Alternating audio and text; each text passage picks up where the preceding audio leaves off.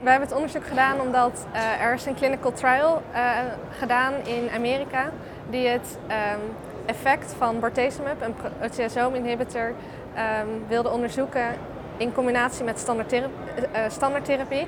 Dus aan de ene kant hebben ze patiënten geïncludeerd in een arm die standaardtherapie kreeg en aan de andere kant standaardtherapie plus de bortezomib. En ze hebben deze trial vroegtijdig gesloten omdat ze eigenlijk geen effect zagen tussen de bortezomib en wel en niet. En um, nou nu wilden wij eigenlijk onderzoeken, zijn er niet toch patiënten die uh, wel baat hebben bij de bortezomib? En daarom hebben we uh, samples verzameld van 500 patiënten. En hebben we gekeken naar uh, de eiwitexpressie in de cellen, in de leukemische cellen.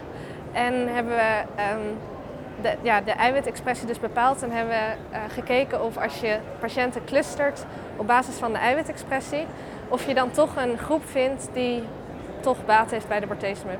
En nou, we hebben de studie uitgevoerd bij kinderen met acute myeloïde leukemie.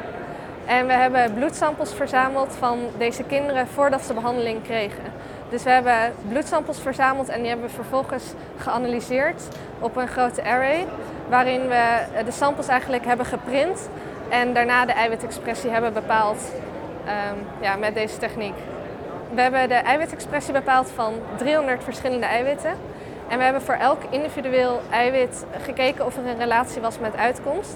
En een van de uh, eiwitten, de heatshock, het heatshock eiwit, we hebben gevonden dat er een relatie was met dit eiwit en de bortezomib. En we hebben patiënten opgedeeld in patiënten met een hoge expressie en patiënten met een lage expressie. En vervolgens hebben we gezien dat patiënten met een lage expressie significant baat hebben bij uh, de extra bortezomib behandeling.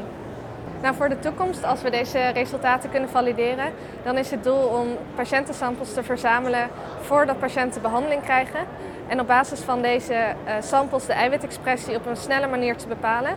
Zodat op het moment dat iemand een lage expressie heeft, deze patiënt in aanmerking komt voor de extra bortezomib.